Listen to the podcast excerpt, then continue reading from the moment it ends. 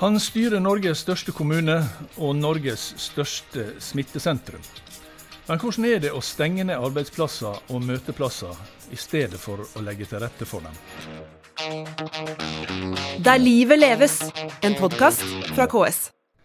Hjertelig velkommen til en ny episode av KS-podden Der livet leves. Jeg heter Kjell Erik Saure, og hjertelig velkommen til det, byrådsleder i Oslo, Raymond Johansen.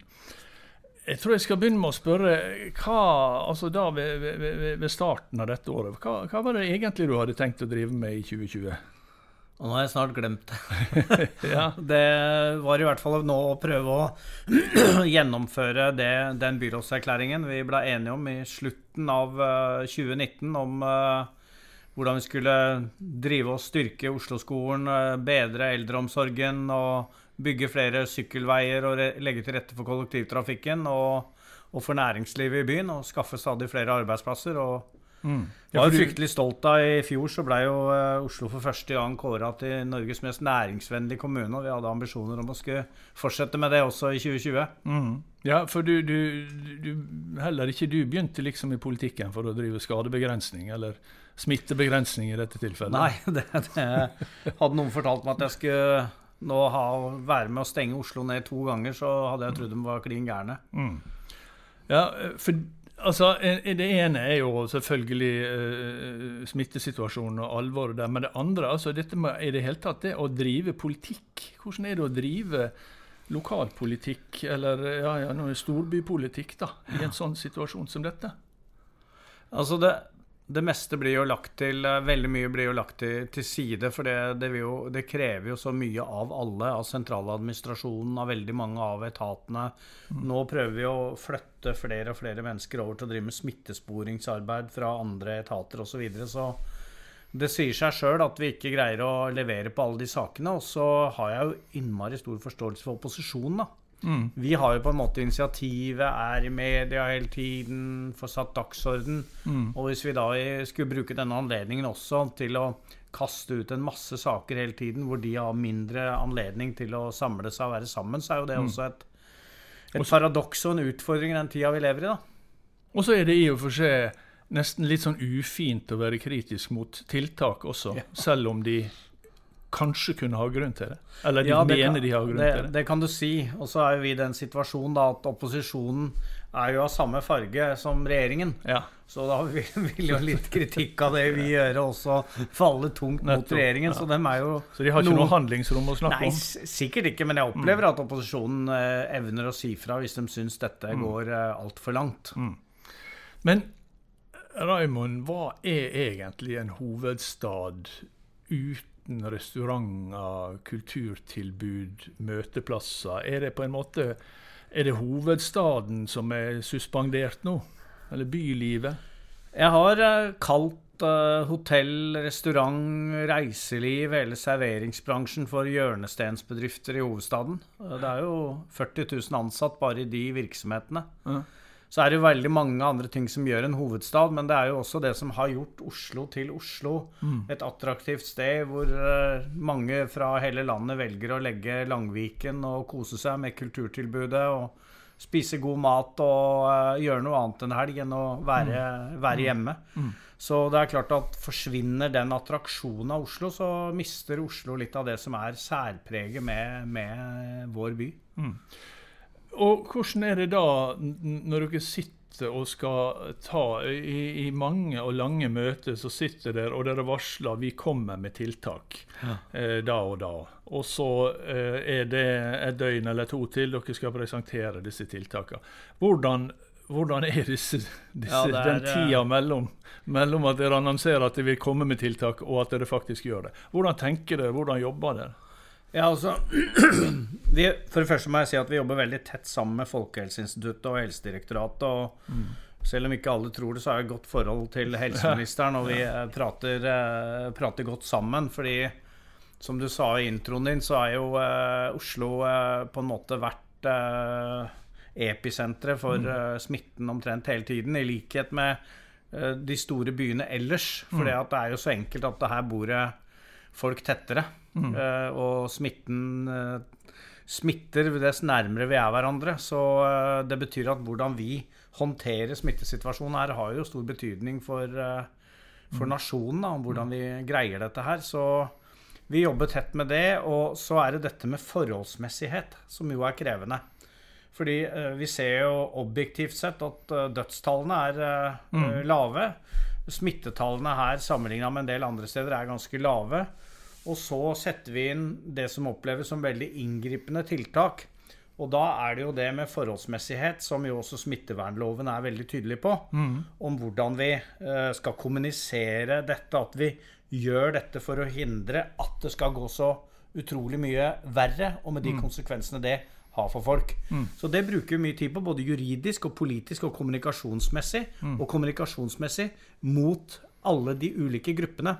Husk på at denne byen består av 200 ulike nasjonaliteter og et aldersspenn som også krever ulik kommunikasjon. Ja. Men er dette si, er dette at det er lave eh, dødstall, eh, som det jo er eh, i, i Norge og i Oslo Ja. eh, og, Ingen kan jo si noe annet enn at det er en god ting. Ja. Men er det egentlig et ganske stort problem for når, når disse tiltakene skal kommuniseres, å få støtte for?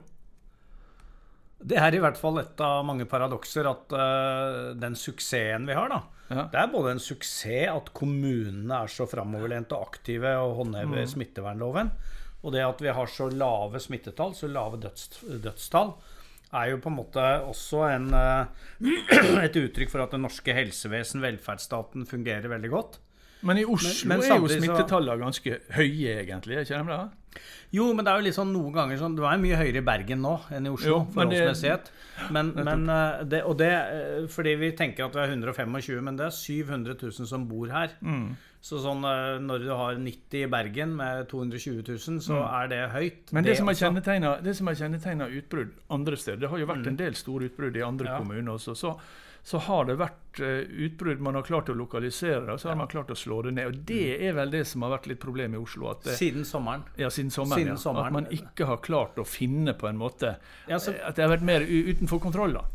Ja, altså Vi har uh, ukjent smitte, uh, smittested er jo rundt 30 Nå mm. Forrige uke så hadde vi det nede på 20-25 Eh, og det er klart at eh, sånn i Hyllestad kommune, hvor det er knyttet f.eks.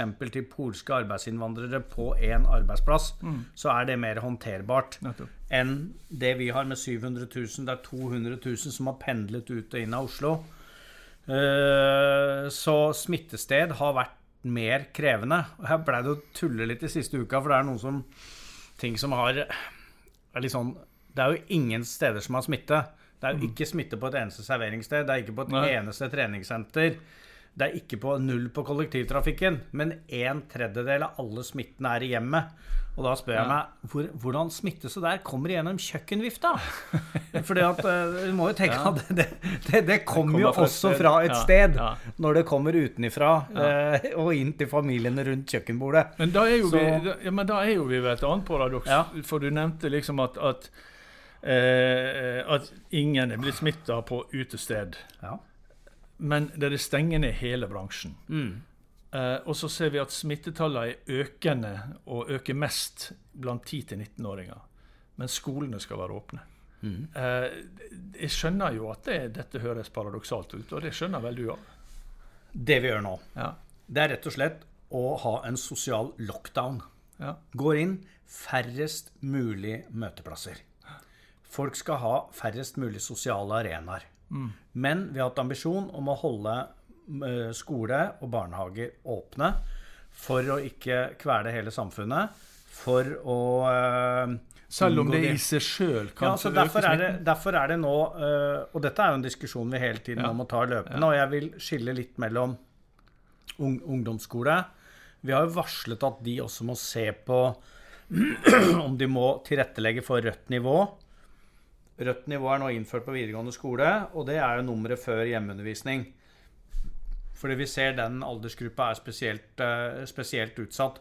Men perioden før så var det aldersgruppa 20 til 29 som var mest uh, smitta. Der har vi satt inn veldig mye, mye tiltak. Så dette er jo hele tida å balansere det ut. Fordi at vi må jo også måle dette opp mot uh, sosial isolasjon. Ja. Eh, og de utfordringene det vil medføre, og allerede har medført, uh, som uh, jeg nok er mest bekymra over av alt. Så Hvordan, hvordan jobber dere med det? da? For det er jo ikke tvil om at altså Vanligvis så er jo det å redusere sosial kontakt Ja, veldig negativt og skadelig, Mm. tenker man. Og her er det på en måte et, en strategi eller et middel da, til Mm. å oppnå, oppnå det man ønsker. Nettopp det å redusere mm. sosial kontakt. Og fra før av så veit vi det at uh, i en storby som Oslo, Ja. så er ensomhet en av de aller største sosiale problemene vi har. Ja. Så det vi prøver, og det er veldig fint å få sagt det. Jeg tror nå i en del måneder framover så må vi rett og slett leve på koronaens premisser. Det betyr det at vi må oppfordre til KS må bruke alle sine kanaler til å liksom greie å opprettholde et sosialt nettverk. Ta den telefonen, inviter til den festen på nettet, og sitt og skål og drikk kaffe og del erfaringer med. Vær systematisk i å ringe bestemor og bestefar. Ha den kontakten inn. Noe mye mer Vi må oppfordre å bruke alle kanaler til Ja, nå må vi leve på koronas premisser, men det betyr ikke at vi skal akseptere å sosialt isolere oss. Men vi må aktivt bruke alle kanaler og nå fram og tenke på hverandre. I den grad jeg skal reintrodusere ordet dugnad, så er det en sosial dugnad på koronaens premisser. Ved å ta vare på hverandre i en veldig, veldig krevende tid for verden og for Norge og for Oslo. Du nevner et stikkord som jeg vet provoserer mange, særlig de som da eh, må stenge ned, og som må Mm. si opp folk, eller som blir oppsagt og permittert og sånn. Kom ikke og snakk til oss om dugnad. Det er, det, er, det er vi som betaler dette. Du slipper. Ja. Altså ikke du, men eh, jo, jo. Ja. Vi- Ja, jeg òg. vi- ja, vi som har jobb. Ja. Mm. Nei, altså Når vi nå på fredag, når vi ytterligere stengte ned Oslo, så var jeg øh, både veldig opptatt av å, å snakke om den, de økonomiske konsekvensene av det eh, for Oslo. Og skal ha mye møter med, eh, med næringsministeren og andre gjennom uka for å sikre kompensasjonsordningene og en del av forutsigbarheten. En by som Oslo så er veldig mange av de som nå er ledige, er folk med liten formell kompetanse. Vil kunne ha en løsere tilknytning til arbeidslivet. Vil komme bakerst i køen. Veldig forskjellig fra det som skjedde på Vestlandet når oljeindustrien oljeindustrien vakla litt. Så var det ingeniører som blei eh, eh, ledige. Ingen problem med å skaffe seg ny jobb. Dette er en mye tyngre situasjon. Og vi har jo faktisk lommer i Oslo hvor arbeidsledigheten er over 50% så uh, dette er en, uh, en utfordring for oss å greie å kompensere, og der må vi gå sammen med næringa. Og det, det skal vi greie, og jeg skjønner 100% deres bekymring. Så vil jeg si en ting. At hvis vi hadde valgt en modell som Sverige, som har mye, mye høyere eh, dødstall, har holdt litt mer åpent, men allikevel så har jo kundene svikta. For de blir jo redde. Det er jo like, li, like lite liv ute i gatene i Stockholm.